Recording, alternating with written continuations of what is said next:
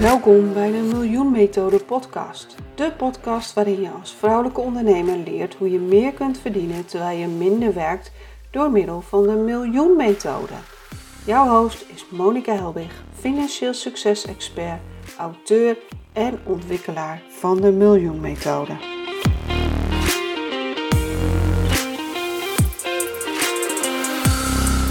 In deze Miljoen Methode podcast aflevering spreek ik met Pep Degens. Met Pep spreek ik over geluk versus succes. Maar we hebben het ook over hard werken, op het juiste spoor zitten en je gelukslijn volgen. Als laatste stippen we ook nog eigenwaarde en zelfvertrouwen aan. Is jouw bodemplaat ook doorgeroest?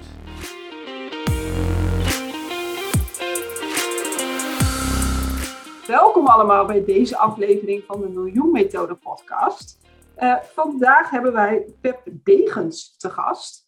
Uh, ik kwam Pep tegen, uh, ik kreeg een boek van iemand, Geluk in de Pocket. En nou, dat bracht zo uh, mijn interesse dat ik dacht van, nou, deze man moet ik interviewen voor mijn podcast. en hij zei gelukkig, ja, welkom Pep. Ja, hoi Monika. Fijn dat je, dat je aan me denkt, dat je me interviewt, ja? Ja, nou ja, ik, we gaan straks, uh, mag je je verder voorstellen en uh, wil ik nog van alles van je weten. En wil ik ook een aantal dingen uit je boek bespreken. Maar we beginnen altijd met de vraag, wat is financieel succesvol en relaxed ondernemen voor jou? Nou, ik val, ik val meteen een beetje stil. Uh, want ik weet zeker dat ik vroeger, ik ben nu 57 bijna, dat ik vroeger zou zeggen, heel veel geld verdienen en, en, en een miljoen maken en ermee kunnen strooien en uitgeven en rijk wonen. En dat, daar ben ik eigenlijk een beetje van teruggekomen. Dus ik zal nu in ieder geval antwoorden: financieel succes gaat over genoeg hebben. Genoeg hebben om daarmee een tevreden leven te leiden. En dat, daar hoort zeker dat relaxed bij. Want ik heb inmiddels wel gezien, nou, of gezien, ervaren, ik heb duizenden mensen in mijn trainingen gehad. En de mhm. meesten lopen op een gegeven moment gewoon stuk. En waarom lopen ze stuk? Omdat ze juist zoveel moeten omdat ze meer willen hebben, maar het is nooit genoeg. En ik heb zelf ook wel die valkuil gehad. En uh, ben daar toch echt van teruggekomen. En financieel succes en relaxed ondernemen betekent ja, genoeg hebben om daarmee een leven te leiden wat je een, een diep gevoel van voldoening geeft. En diepe voldoening dat noem ik in mijn boek duurzaam geluk. We gaan heel vaak voor korte gelukjes. Dat is mhm. ook die nieuwe auto. Dat is ook meer salaris kunnen, kunnen krijgen. Dat is ook weer een nieuw huis kopen altijd maar nieuw, nieuw, groter. Maar inmiddels heb ik mijn koers behoorlijk verlegd naar duurzaam geluk, relaxed ondernemen, genoeg hebben. Ja, en dat voelt, dat voelt ontzettend, ontzettend mooi van binnen. Ik kan niet anders omschrijven. Relaxed ondernemen en toch genoeg hebben. Hoe heerlijk is dat? Ja, nou, we gaan straks nog wel even het geluk en succes naast elkaar zetten, want dat mhm. doe je in je boek ook heel mooi. Maar je raakt inderdaad gewoon echt al een heel mooi iets waar ik zelf uh, ook tegen aangelopen ben, zeg maar. Maar wat ik ook heel veel zie bij mijn klanten van altijd maar meer en groter. En ja, terwijl het daar eigenlijk helemaal niet in zit. Nee. Je ziet dat, eh, je, weet, je, je weet het pas echt zeker hè, als je mensen interviewt aan het einde van hun leven. En dat is ook voor mij de start geweest van dit boek. Dat ik mhm. ben gaan opzoeken wat zeggen mensen aan het einde van hun leven als ze geïnterviewd worden op hun sterfbed. Dat hebben heel veel mensen gedaan. Die schrijven daar dan weer boeken over. Dan krijg je een soort spijttop 5. En in die spijttop 5 mhm.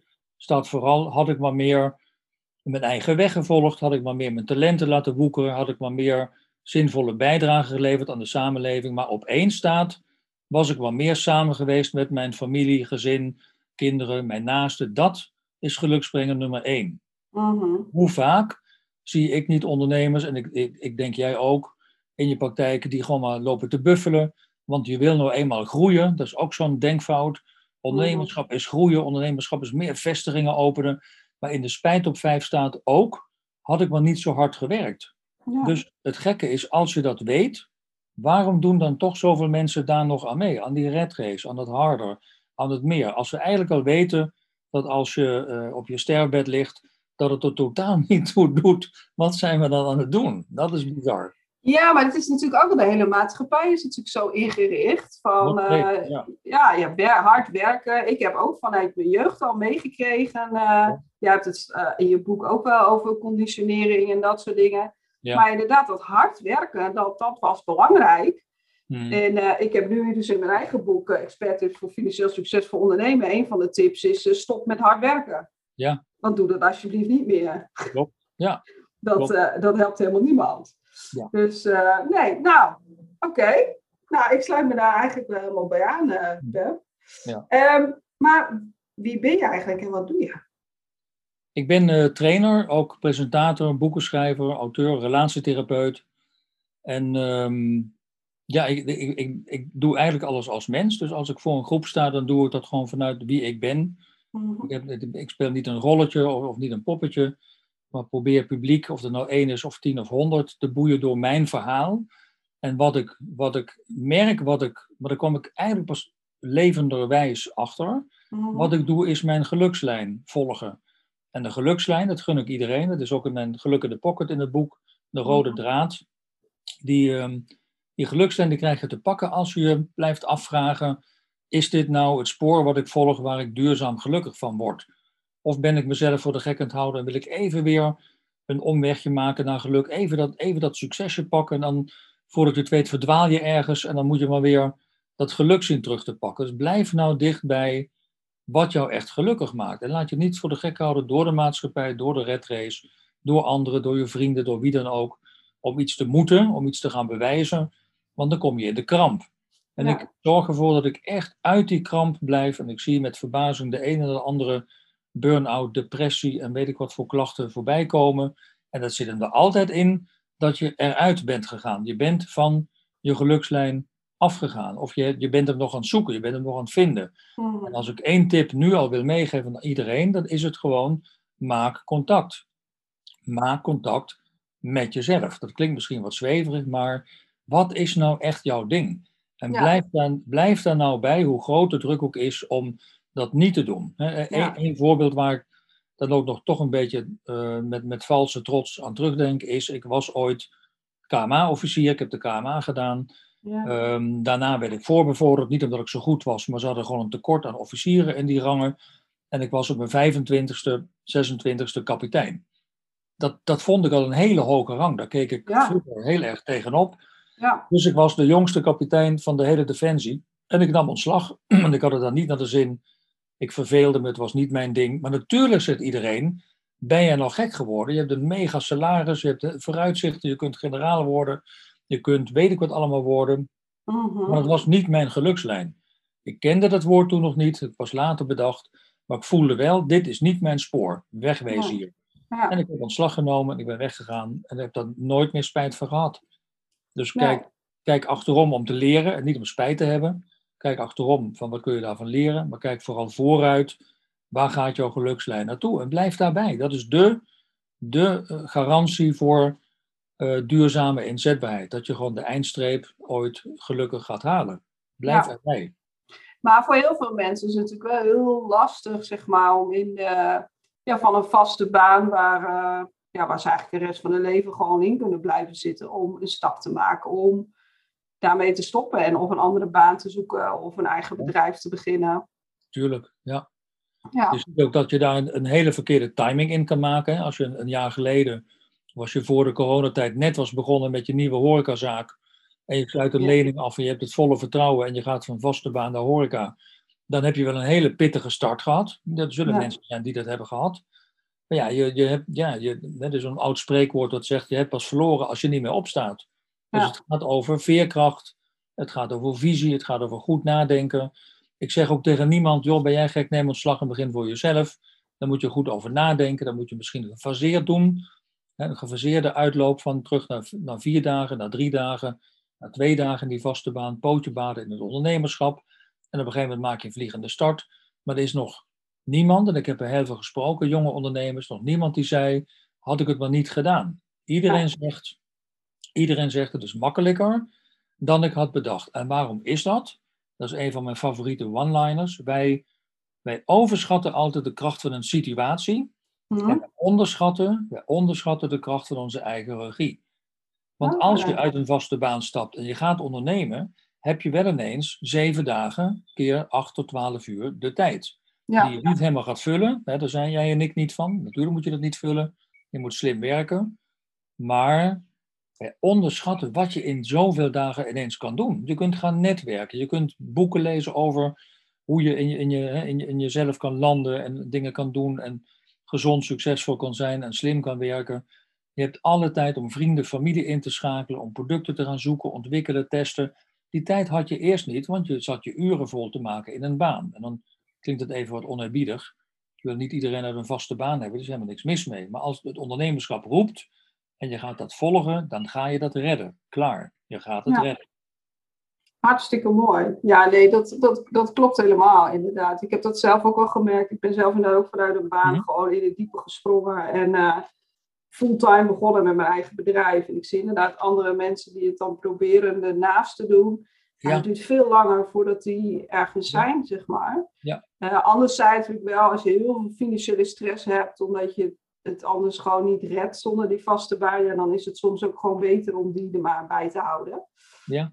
Dus uh, ja. Je moet, je, je moet jezelf vragen stellen. Er zijn mensen die in jouw situatie zitten en het nooit zouden durven. Mhm. En een vast excuus hebben om het niet te doen. Namelijk zouden zeggen, ik heb nu eenmaal een vaste baan, ik wil zekerheid en ik heb een kind en daar wil ik voor zorgen. dat, heb, dat, heb, dat is jouw situatie. Ja. jij hebt in die situatie, ben je voor jezelf begonnen. Waarschijnlijk omdat je je ergens ook vragen hebt gesteld, namelijk, hoe ga ik dat dan doen?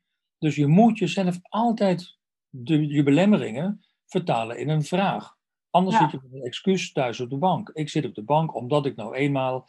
Dat boeit niet. De vraag is: hoe ga ik, gezien deze situatie, toch dat ondernemerschap aan? Wat is voor mij belangrijk? Wil je je kind naar de opvang of wil je het zelf opvangen? Ik, zie mijn, ik, ik denk dat mijn kinderen mij nog nooit, zeker in de coronatijd, maar ook daarvoor, uh, veel vaker zien dan andere kinderen hun ouders. Hè. Laatst, ik moest zo lachen. Laatst vroeg mijn zoontje van 13, vroeg, ehm, wat doe jij eigenlijk? Omdat ik zo vaak, omdat ik zo vaak thuis ben en met de hond wandel en relax. En hij, hij, maakt zich zorgen van, heb je nog wel werk? Ik zeg, joh, het gaat hartstikke goed. Maar men is gewend aan ouders die niet thuis zijn. En dat ja. kinderen maar hun broodrommetje smeren en even wachten. En papa komt thuis om zes uur en mama, en dan is het druk. En ja, als je dat niet doet, is, is toch iets raars. Ja, nou, ze zien het in de klas ook niet inderdaad. Want daar is mhm. inderdaad... Uh, ja, veel mensen inderdaad die, die wel werken. Dus ja, dat is ook, maar dat is ook het ondernemerschap, geef je gewoon die vrijheid. Als anders, ja, als je baas zegt dat je van 9 tot 5 op kantoor moet zijn, ja, dan. Uh, ja. Nou is dat gelukkig nu met corona volgens mij wel wat flexibeler Dat is wel wat veranderd, hè? Zeker. Dus uh, dat is zeker mooi. Ja. Nou, um, Pep, in je boek heb je uh, een heel stuk over het verschil tussen succes en geluk. En um, je begint ermee, uh, succes is meetbaar en geluk niet. Mm Want uh, succes, nou ja, inderdaad, aantal, de kijkcijfers of uh, het aantal klanten, de euro's ja. op je bankrekening, het salaris wat je verdient, mm hoeveel, hoeveel winkels je hebt als je een eigenaar van een winkel bent. En, ja. ja. en geluk is dan ja, subjectief, zeg maar, is ook niet echt meetbaar. Ik bedoel, de een wordt al gelukkig van een wandeling door het bos. En de ander die moet misschien eerst een mooie verre reis maken of zo. Om dat geluksgevoel te hebben. Nou, -hmm. Maar ik merk ook wel met succes. Kijk, natuurlijk enerzijds is dat meetbaar. Maar dat daar ook wel veel verschillen in zijn. Want de een die zegt ook van ja, maar succes vind ik al... Uh, als ik inderdaad gewoon een baan heb met een modaal inkomen en uh, een leuk huisje. En ik kan elke keer op vakantie. En ik, uh, nou, ik heb inderdaad gewoon genoeg, wat je net al zei. Ja. En voor de ander is het, ja, ik moet de beste zijn. En ik moet uh, minstens 100 franchise-nemers hebben of zoiets. ja. Hoe zit dat al? Want dan is het toch eigenlijk nog steeds heel subjectief in plaats van objectief. Ja, dat is wel een mooie, zoals je dat beschrijft. Het is inderdaad zo dat we gaan er vanuit succes is meetbaar, want dan sta je in de quote 500. Ja, er is geen geluksquote 500. Ik, ik kan wel de gelukkigste man uh, op aarde zijn, of mens. Ik heb geen idee, dus het blijft, het blijft persoonlijk. En het is mooi dat jij, zoals jij nu praat, daar ben ik helemaal fan van. Want je praat dat succes naar ook iets persoonlijks. Laat het nou eens persoonlijk zijn. Waarom niet een modaal of benedenmodaal inkomen? En misschien, ik vind juist mensen heel succesvol die toe kunnen met heel weinig. En die het helemaal voor elkaar hebben. Want die voelen niet de druk van die eeuwige vergelijking van, oh, de buurman heeft dit, dus ik moet ook dat. Mm. Dus, dus ik vind het een briljante move als je dat kan introduceren als succesvol. Maar dat is in de buitenwereld nog niet doorgedrongen. Weet je, wij, maak het allemaal groot en die heeft dit en die heeft zus en die heeft zoveel. Waarom worden die salarissen en transfersommen van voetballers en salarissen van de wereld draait door presentator niet meer dan een, een minister-president. Oh, wat is die succesvol? Ik denk, ja, moeten we daar dan van hebben? Weet je, ga, ga eens wat meer op dat geluk zitten en relativeer dat succes. Maar de ellende is, wij willen stralen, we willen ons vergelijken, we willen de buitenwereld laten zien um, hoe succesvol wij zijn. En dan krijg je die vergelijking. Terwijl als je lekker op jezelf kan zijn en gelukkig, en je hebt niet de neiging om het te vergelijken, ja, doe mij dat. Hè? Ja. Ja, want ik werk ook al samen met mensen die inderdaad een, een minimuminkomen hebben. En ik zie die soms gelukkiger zijn als eh, de mensen die een ton per jaar verdienen. Ja, ja. Benijdenswaardig, toch? Ja. ja, heel knap. Ja. Dat je de rust kunnen vinden om daarmee gewoon genoeg te hebben. En ook nog eens gelukkig te zijn. En niet in die valkuilen van de maatschappij te trappen. Ik heb daar een YouTube-filmpje ooit over gemaakt bij Geluk TV, mijn eigen kanaaltje. Dus over geluksvalkuilen zie je allemaal voorbij komen. Streven naar succes, status, macht, vergelijken, verliesvermijding. En niet kunnen afgeven wat je, wat je al hebt. Ja. Er zijn er zoveel die als booby traps in die maatschappij zitten. Ja, die moet je maar zien te ontwijken. Dat is heel knap als je dat lukt. Ja, ja ik heb daar ook respect voor. En je geeft ook inderdaad aan, want ja, succes dat bestaat dus alleen dankzij vergelijking. Omdat je kijkt naar, ja, hoe ziet een ander eruit? Ja. Terwijl, ja, bij geluk is er gewoon geen enkele competitie en concurrentie, want het gaat om jezelf. Ja, En, en met die competitie en concurrentie, als je nou ziet hoe dat in de huidige snelle maatschappij werkt, dan, dan is dat succes altijd tijdelijk. Altijd. En ook eindig. Dus er is een rijk iemand of een bekend iemand, maar die wordt dan weer uh, ouder of krakkemikkiger of heeft een beetje afgedaan. Je kijkt achterom en de volgende staat al klaar. Dus succes maakt ook heel onrustig, omdat je gaat vergelijken omdat je nooit genoeg hebt en omdat je ergens weet, de volgende komt na mij en die gaat nog meer humor inbrengen, die gaat nog leuker zijn, die wordt nog meer gewaardeerd, die gaat nog meer verdienen. Ja, dat is heel onrustig. En de lat gaat stilzwijgend steeds hoger. Ja. Ik heb volgens mij in mijn boek beschreven met uh, Raffaella, wat ik nog weet. Die zong toen in Idols. Van een prima stemmen. Die werd eerste of tweede. Ik denk tweede, want ze kwam vijf jaar later weer terug. Nou, we vielen in de tweede ronde af, want er waren zoveel uh, mensen inmiddels beter. En als je nu kijkt naar een Voice Kids, ik kijk niet meer, ik keek vroeger met mijn kinderen. Mhm. Ja, op een gegeven moment komen daar kinderen die zeggen, nou, ik zing al in vijf musicals. En nu dacht ik, ik wil ook eens een toneel op. Toen dacht ik, is, is het daarvoor bedoeld? Of was het gewoon, ik kan een leuk liedje zingen en ik heb een mooie stem en ik word hier ontdekt? Nee, die lat is steeds hoger. Er komen ja. goede sterren die nog meer willen op die leeftijd. Ja, ik denk, dat wil ik helemaal niet zien. Ik wil het bewust gewoon niet meer zien. Ik nee, nee, dat is geen talentenjacht meer, zeg maar. Nee, nee. Nee. Nee, oké. Nou ja, en je zegt dus ook, ja, geluk zit in jezelf en succes zit uh, buiten jezelf. Ja, dat is heel goed nieuws. Want eigenlijk kun je, zoals wij nou hier zitten voor de, voor de podcast, kun je in je eentje in een, in een kamer van een paar bij een paar meter hartstikke gelukkig zijn met wat je hebt, wie je bent, wat je in je hebt, plannetjes wat je nog allemaal wil gaan doen eventueel. Maar meer heb je niet nodig. Geluk gaat over jezelf en je talent en de wetenschap van ik word gesteund door vrienden, familie, gezin. En als ik weer naar buiten ga, lever ik een zinvolle bijdrage aan de maatschappij. Dan heb je die hele top 5 afgedekt van die mensen op hun sterfbed. Die zeggen, duurzame voldoening, moet je dat voor doen. Ja, en succes begint, je gaat naar buiten. Je laat zien, oh, wat ben je aan het doen? En oh, zoveel luisteren, ik heb zoveel likes, ik heb zoveel volgers. Ik heb zoveel... Het gaat altijd maar over aantallen. Het gaat altijd over aantallen, succes. Hoe jammer is dat? En je ziet een ommezwaai. Want toen ik het boek schreef, Geluk in de Pocket, toen had ik zelf wel wat met geluk, maar nog niet eens zozeer bewust. Het was de uitgever die zei, mensen uit jouw training, die worden gelukkiger. Ik zei, nee, ze worden krachtiger. Hè? Ze leren regie. Dat mhm. komt uit mijn boek, Wie is hier nou de baas? Nee, zegt die uitgever, we gaan een stapje verder. Waartoe worden ze dan krachtig? Om hun geluk neer te zetten. Om hun geluk te ontwikkelen. Jij moet een boek schrijven over geluk. En ik had er toen nog niet zoveel mee. In de maatschappij hoorde je het nauwelijks. En moet je eens kijken wat er sinds die tijd gebeurd is. Dat ligt niet aan mijn boek. Ook niet aan mij, maar dat ligt aan de timing van die uitgever. Die had haarscherp in de gaten dat het die kant op gaat. Ja. En er zijn inmiddels tientallen trainingen over van werkdruk naar werkgeluk, kies je geluk.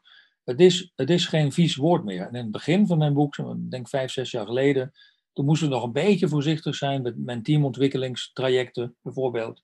dat ik dat woordje geluk niet te veel noemde, maar meer resultaat en teamontwikkeling en samenwerking. En inmiddels durven mensen gewoon te vragen, joh, maak ons als team gelukkiger. Dat is een hele mooie ontwikkeling. Maar dat is echt iets van de laatste paar jaar. Ja, maar ik denk ook dat als mensen gelukkig zijn in hun baan, dat het ook gewoon, dat het automatisch meer resultaat levert. Ja, dat is ook zo. Dat is ook zo.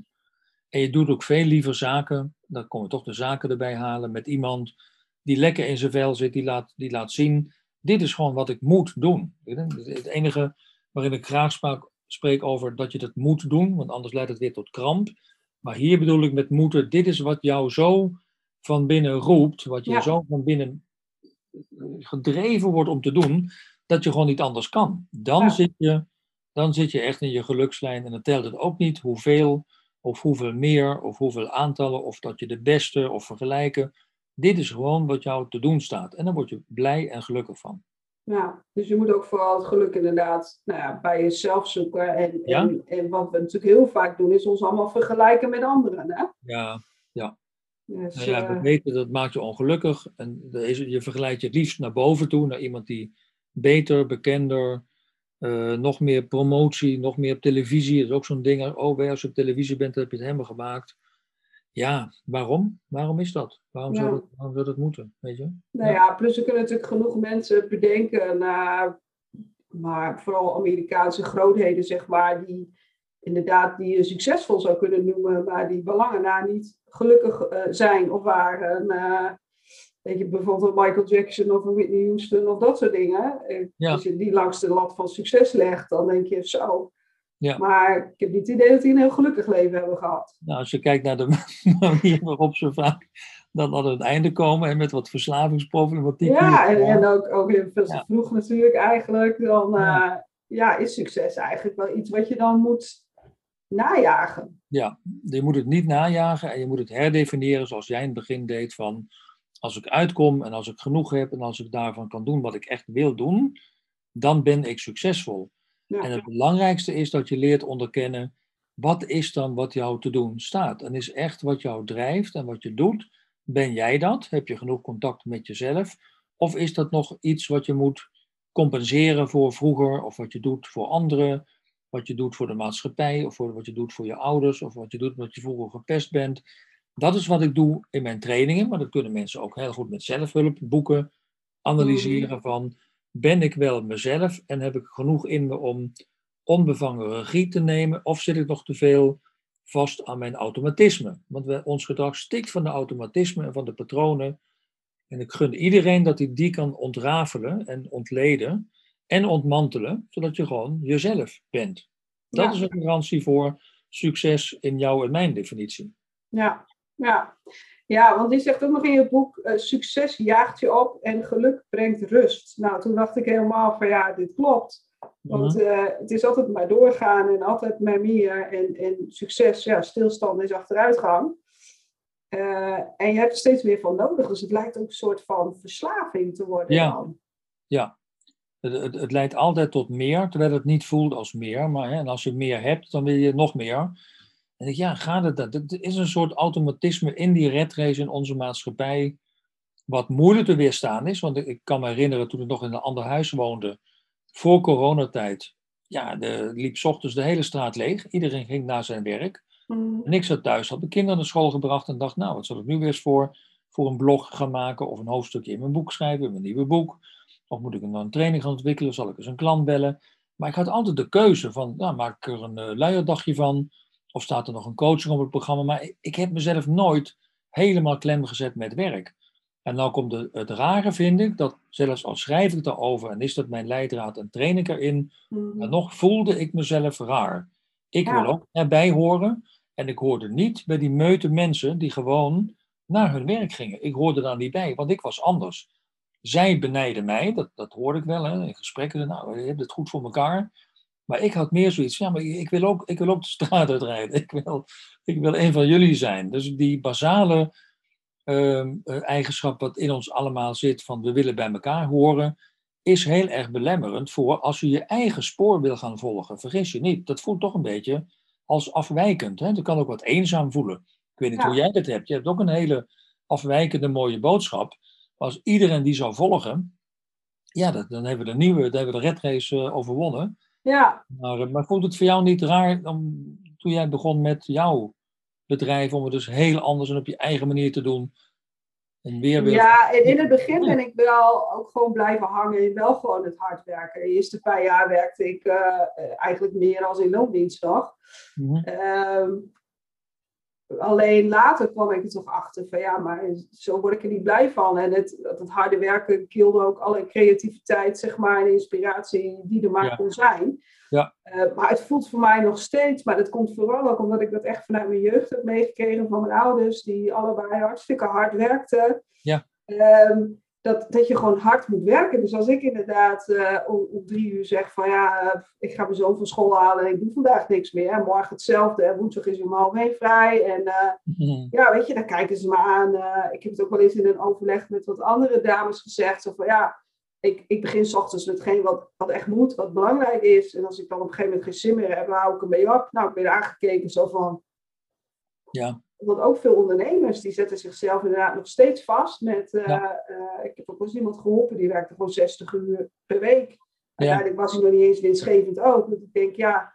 Ja. Maar doe je het dan doen, zeg maar. Ja. Wat je net noemde, zo van opgegroeid in een hardwerkend gezin, dat is dus zo belangrijk. Dan heb je namelijk al een denkfout, een patroon wat ontstaat van ik moet hard werken. En dat voelt natuurlijk ook als je het niet zou doen, voel je je misschien alsof je je ouders verraadt. Want die hebben jou geleerd, die hebben hard gewerkt. Ook voor jouw toekomst. Kun jij studeren of iets anders doen. Of in ieder geval een goede jeugd hebben. En wie ben jij dan om te zeggen, nou, bedankt dat jullie, fijn dat jullie zo hard hebben gewerkt. Ik ga dus heel anders doen. Ja. Ik ga een relaxed leven leiden met mijn kind. En zorg dat ik gewoon genoeg heb. Ja, dat voelt een beetje als verraad. En bij heel veel mensen kan het daardoor, hè, loyaliteit is de diepste drijfveer in ons. Als je ooit afvraagt, waarom doe ik zo raar als ik doe? Dan is het antwoord ongetwijfeld uit loyaliteit. Ja. Vraag jezelf dan maar af, aan wie ben je dan loyaal? En wil je nou loyaal zijn naar jezelf toe en je, je gezin, je kinderen, wil je daar goed voor zijn? Of wil je loyaal zijn aan ouders die wellicht al zijn overleden, hè, die relatie blijft bestaan, dat doet er niet toe. Dat, soort rare situaties komen in trainingen voor. Dat mensen zeggen, verrek, daarom doe ik dat. Ja, ik heb me in ieder geval al, al, jaren schuldig gevoeld over het feit dat ik, maar dat was ook al toen ik in loondienst was, dat ik, dat ik meer verdiende als mijn ouders. Kijk, dat ik ja. het eigenlijk gewoon veel beter had als mijn ouders. Ja.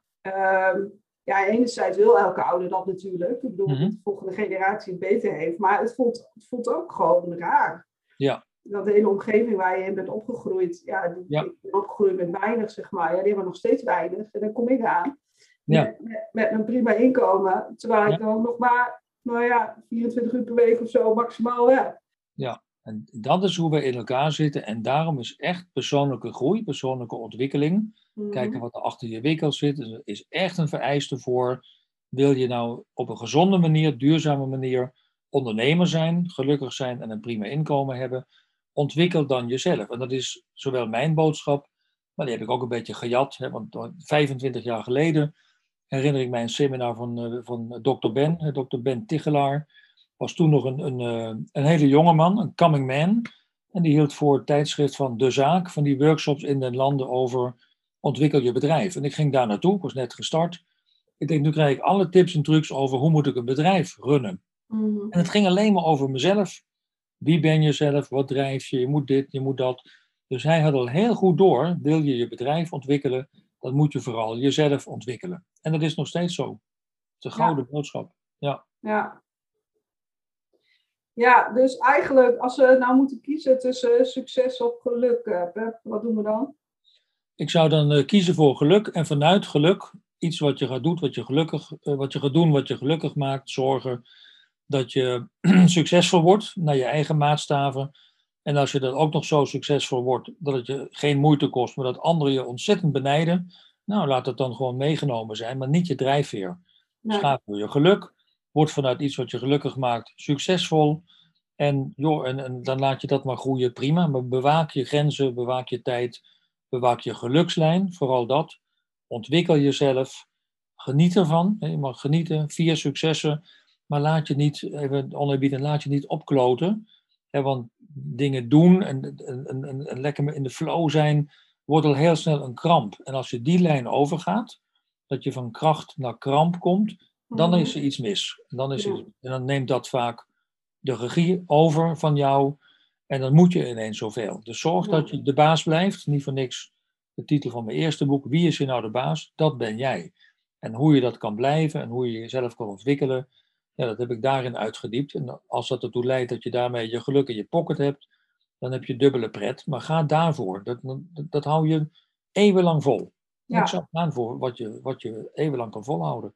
Ja.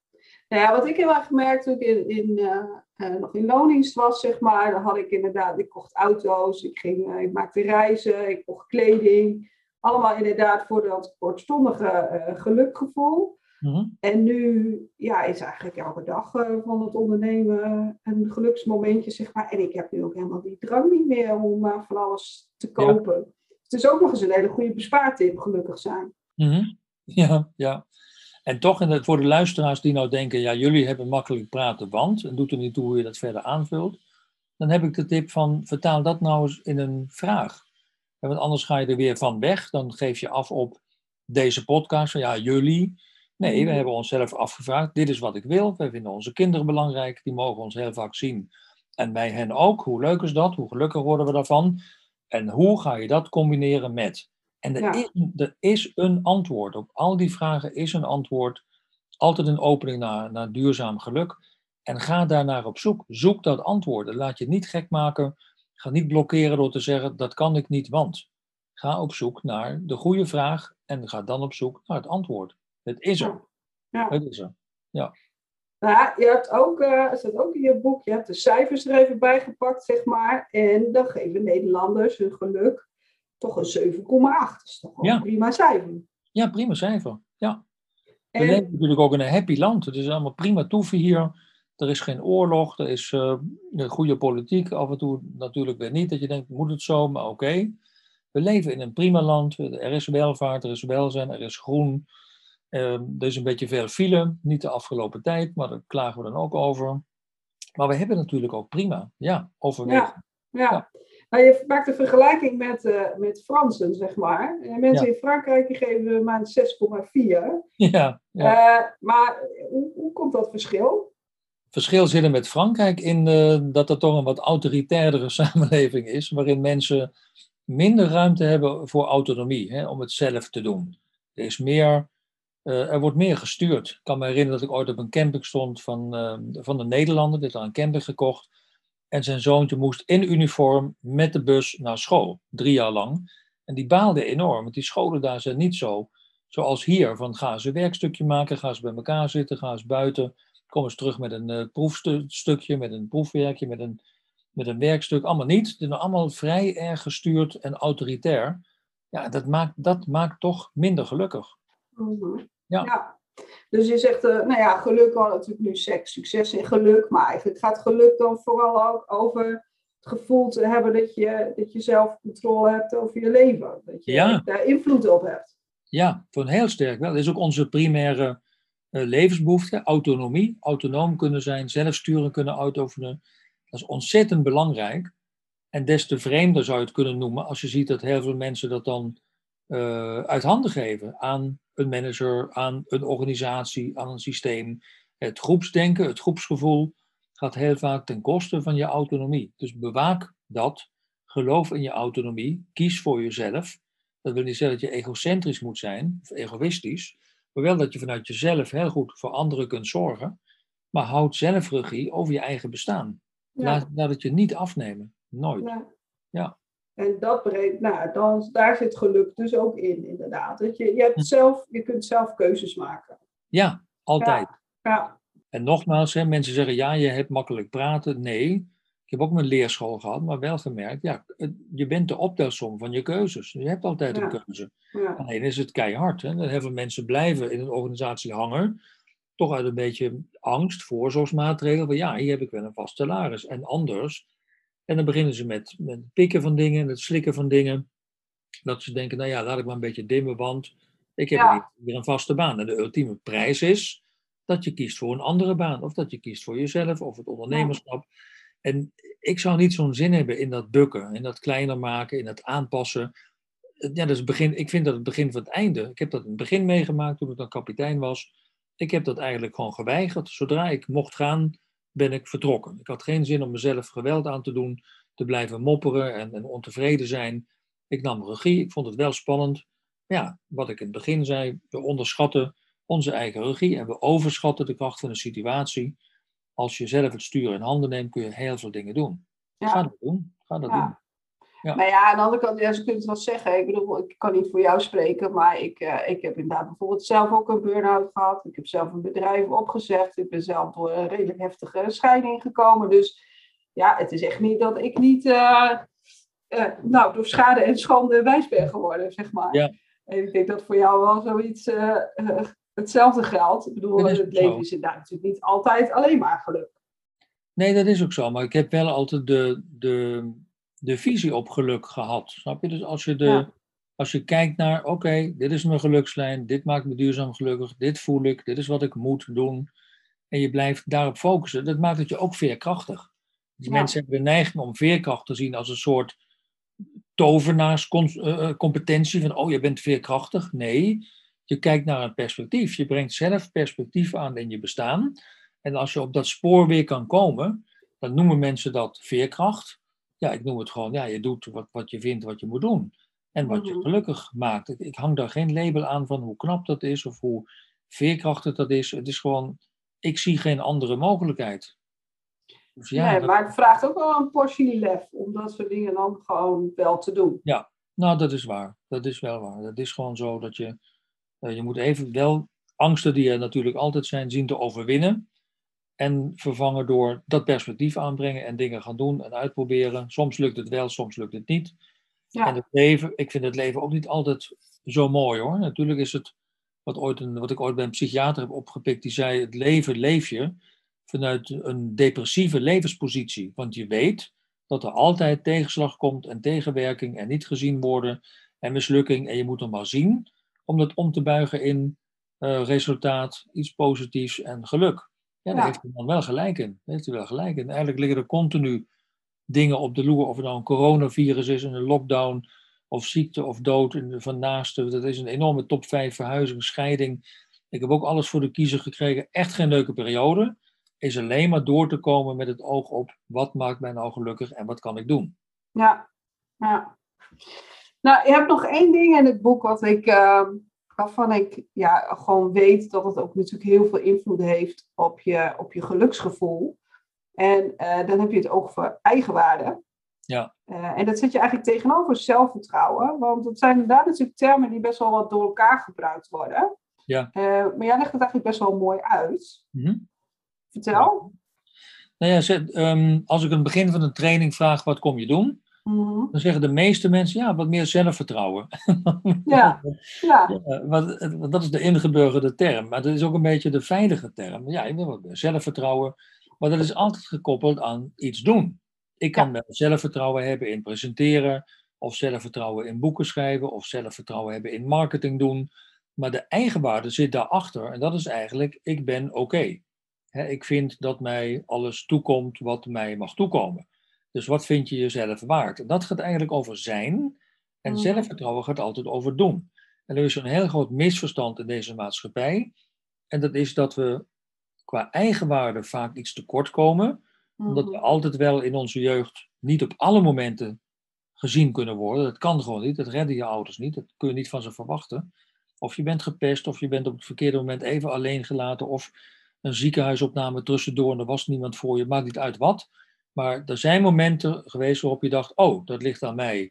Ik ben niet helemaal oké. Dat voel je nog steeds, bewust of onbewust. Maar dat ga je proberen te repareren door iets te doen. En dat verklaart ook voor mij die enorme redrace van succesvol en zie je mij wel en kijk eens wat ik heb. Je wil iets repareren, maar je zit op het spoor van zelfvertrouwen. Wat je namelijk doet, is iets doen. En wat je niet doet, is er zijn. Je zit niet, wat je net ook zei, geluk in dat kamertje. Ik ben, ik ben gelukkig, ik ben oké. Dat hoeft niemand te zien, dat mag jij helemaal voelen. Maar dat heeft niks met ondernemerschap van doen. Ja. En het, het plust niet op zelfvertrouwen, want je zit gewoon te zijn. Wat je wil is naar buiten gaan, laten zien, kijk eens, ik heb ook wat, ik kan ook wat, mijn auto wordt groter, mijn filiaal, ik verkoop veel, mijn omzet. Ja, leuk. Daarmee plus je op zelfvertrouwen, maar dat, dat knagende gaatje aan eigenwaarde, dat knagende tekort, vul je daarmee niet. Dat kun je alleen maar vullen door de omslag te maken naar ben ik gelukkig en ben ik oké. Dat is je fundering onder je geluk. Ja, dat is inderdaad, ja, als de fundering niet goed is, dan stort het huis, wat voor huis je er ook opbouwt, dat stort dat- uiteindelijk in. Dat is heel treffend, dat is het. Ja. Ja, En we willen maar huizen bouwen en kijk, onze sjouwen met planken en stenen. En we willen bezig zijn. Waarom? En daarom schieten we in die kramp van nog meer uren en nog meer salaris. Nee, vraag Ja. je af, wat is genoeg? Wat maakt me gelukkig? Word ik er rustig van? Word ik er gelukkig van? Ben ik oké? Ja, dat, en dat is toch persoonlijke ontwikkeling. Daarom Ja. hangt het heel erg samen met ondernemerschap en met geluk. ja. Nou, ik, ik herken dat ook wel, hè, want ik had wel, nou ja, na mijn burn-out, zeg maar, ook eh, eh, therapie, cognitieve gedragstherapie noemen ze dat dan. Ja. Dat was allemaal heel leuk, maar het ging ook vooral over doen, zeg maar.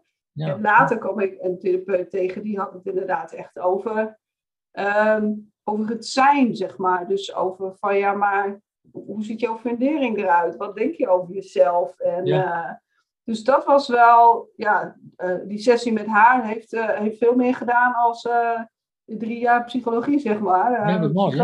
Ja, omdat het puur inderdaad die, die fundering is, of hoe je hier heel leuk beschrijft, de verroeste bodemplaat van de Ferrari. Ja, dan heb je uiteindelijk niks aan die Ferrari, want die gaat er gewoon doorheen zakken. Ja, klopt. Dus ja. ja, en ook wel wat jij zegt, en dat heb ik ook heel erg gemerkt inderdaad, ja, mijn eigen waarde was ook niet in orde. En dan inderdaad maar hard werken, goede cijfers halen en dan werd ik wel geprezen, zeg maar. En eh, nou, op je werk keihard werken en laten zien dat je het allemaal kan en promotie op promotie maken. En dan, ja, weet je, dat, dat, dat was dan oké. Alleen ja, de, de bodemplaat eh, was inderdaad, eh Ja. oh, er zitten behoorlijk wat gaten in. En het is wel grappig, ik ken redelijk wat mensen die ook met pensioen zijn gegaan. En dan zie je gewoon hoe, hoe, hoe ze hunkeren naar die erkenning van het afscheidsfeestje. En eh, oh, die collega zei dit over mij en dat. En in feite, ja, dat klinkt een beetje raar. In feite moet jij jezelf kunnen toespreken en zeggen: Nou, ik heb lekker gewerkt. En dan is het tijd weer voor andere dingen. Ik was al oké en ik ben oké. Maar ja. mensen hangen zo aan. Ik moet gezien worden, ik moet gewaardeerd worden. En er zijn dus ook heel veel mensen verzuurd. Omdat ze geen eindspeech hebben kunnen hebben, want het was corona. En het online feestje viel in het water, want er was niemand. Ik hoor allerlei dingen waardoor ik denk, aha, die bodemplaat. Die bodemplaat was niet op orde. En die he- heb je heel lang op orde willen krijgen door maar te doen. Dat is zo'n valkuil en zo'n misverstand in onze maatschappij. Ehm, ik zou bijna cynisch zeggen, daardoor heb ik wel werk. Hè, want mijn trainingen gaat het altijd hierover. ja. Dus, ehm, en ik ben wel blij dat ik, dat, ik, dat ik dat misverstand kan rechtzetten en mensen op het spoor kan zetten van wat als je nou eens dit zou gaan zijn, in plaats van eeuwig blijven doen met, met eigenlijk uitzichtloos. Want je, je kunt niet repareren wat kapot is. Nee, Met- Op deze manier. Niet door te doen, repareer je niet je bodemplaat van zijn. nee. Dat is essentieel. Ja. Ja, oké. Ehm, nou ja, volgens mij, eh, het- ja, er staan nog veel meer interessante dingen in het boek natuurlijk. Ik eh, raad iedereen aan om hem te lezen. Nou, je kunt hem kopen op de website. Pep heeft straks nog een mooie aanbieding voor jullie. Maar eh, Pep heeft ook één eh, beschikbaar gesteld om eh, weg te geven. Ehm, dus dan heb je tot eh, 1 augustus om jouw belangrijkste inzicht uit deze podcast te mailen aan info.demiljoenmethode.nl. Dus wat heb jij uit deze podcast gehouden waar we het vooral hebben gehad over eh, geluk, eh, maar ook in de tegenstelling tot succes? Ehm, en eh, dat moet voor 1 augustus dus. En we hebben twee winnaars. Eén keer geeft Pep een boek weg en één keer analyseert hij een test die op zijn website kan doen, waar hij straks ook nog even wat meer over gaat vertellen. Want Pep, ja, volgens mij zouden we nog uren door kunnen praten. ja, hè? zeker weten. Ja, heel graag. Maar, eh, ik denk dat we ook een, eh, een eind aan moeten breien. Ja. Maar eh, vertel eens meer, als mensen nou meer willen weten over, over jou en jouw trainingen en jouw boeken, waar kunnen ze terecht? Mijn website is eh, zeker bij pep.nl. En dan gaat het over Pep traint en Pep schrijft. En ook mijn hoofdstuk relatietherapie met weer een link naar een aparte website. Ik heb nog een aanbieding staan, ook tot 1 augustus, omdat ik vind en, zie en ervaar dat mensen te weinig lezen. Daardoor blijven doen wat ze al doen. Maar nieuwe kennis, nieuwe inzichten haal je uit boeken. Daar zit diepgang in, verdieping in. Dus koop nou boeken. En ik heb een boekenaanbieding gemaakt. Als je mijn drie bestlopende boeken tezamen koopt, betaal je er in feite maar twee. En die aanbieding staat bij Pep Schrijft op zekerbijpep.nl. En die haal ik af na 1 augustus. Dus als je nog wat zomerliteratuur in huis wil halen, geef ook aan of ik daar een voorwoordje in moet schrijven of dat ik dat juist blanco moet laten. En ik zeg altijd tegen mensen: lees die boeken, laat ze heel en geef ze iemand cadeau. Dus je verdient ze zelf weer terug, anders moet je weer met een bloemetje komen of iets anders. Lees ze, hou ze onbeschadigd en geef ze weer weg als cadeau. Dus ik heb er drie voor bijna de prijs van twee aanbieding gemaakt tot 1 augustus op die zeker bij pep.nl. En ik heb bij Pep Traint, hoofdstukje op die website, heb ik ook, ook een aanbiedingsprijs staan voor um, analyses. Dat heet een eh, TA-test, transactionele analyse-test. Dat is een belangrijke test omdat je daarin aangeeft, onbewust, wat is je automatische gedrag, wat is je regie en wat is je nog uh, afweer, oud verdedigingsgedrag wat in je zit. En ik kan, als je die test invult en hem mij stuurt, dan analyseer ik voor een krappe 20 euro, ik dacht 17, 18 euro, analyseer ik je en krijg je echt een, ehm, een ehm, ja, wat ik meestal terug hoor, verbazingwekkende analyse van hoe je nu erbij zit. En dan kan ik ook aangeven, wat is jouw ontwikkelrichting? Moet je minder in het automatische gedrag? Hoe zit het met je regie? Hoe zit het met je emoties? Wat voor teleurstelling draag je bij je? Dat zie ik op een bepaalde manier aan de samenvatting, een paar lijntjes die uit die, uit die test komen. En dat is ook een aanbieding, want na 1 augustus ga ik die prijs dan ook weer verhogen naar wat die was. Dan zit die ergens rond de 30. Dus je hebt een paar ontwikkeltools nu wat goedkoper van mij gekregen als dank voor deze, voor deze podcast.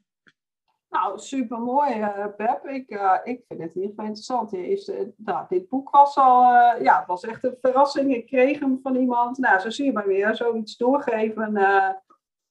ja, word je gewoon hartstikke blij van. Plus, het is ook nog weer zo'n rustmomentje. Hè? Als je even gaat mhm. lezen. Tuurlijk. Het is echt even weer, nou, ook weer een stapje terugnemen. En even uit die red race van, ja, maar ik moet door, want ik moet nog meer. En Inzicht heb ik ook ooit gezegd. Inzicht is veel belangrijker voor actie dan de actie zelf. Dus doe eerst inzichten op en neem dan actie. Ja. Nou, inzichten komen uit boeken, reflectie, YouTube-filmpjes, dat soort dingen. Ja. ja. Oké. Ja. Nou, hartstikke bedankt, uh, Pep. Monika, jij bedankt. Bedankt voor het luisteren naar de Miljoen Methode podcast. Ik hoop dat ik je weer heb kunnen inspireren. Wil je niks missen? Abonneer je dan op mijn podcast. Dat doe je door te klikken op de abonneerknop in je podcast-app. Ik zou heel dankbaar zijn wanneer je ook een review kunt achterlaten. En delen van deze podcast met een andere vrouwelijke ondernemer waardeer ik ook zeer. Mijn missie is om vrouwen financieel succesvol en relaxed te laten ondernemen. Wil je meer weten over mij, mijn boek kopen of samenwerken met mij? Ga naar www.demiljoenmethode.nl. Daar kun je ook een gratis financieel succes doorbraaksessie boeken. Je mag me ook altijd een berichtje sturen wanneer je een inzicht hebt gekregen of een vraag hebt. Stuur een mail naar info@demiljoenmethode of stuur me een bericht via LinkedIn.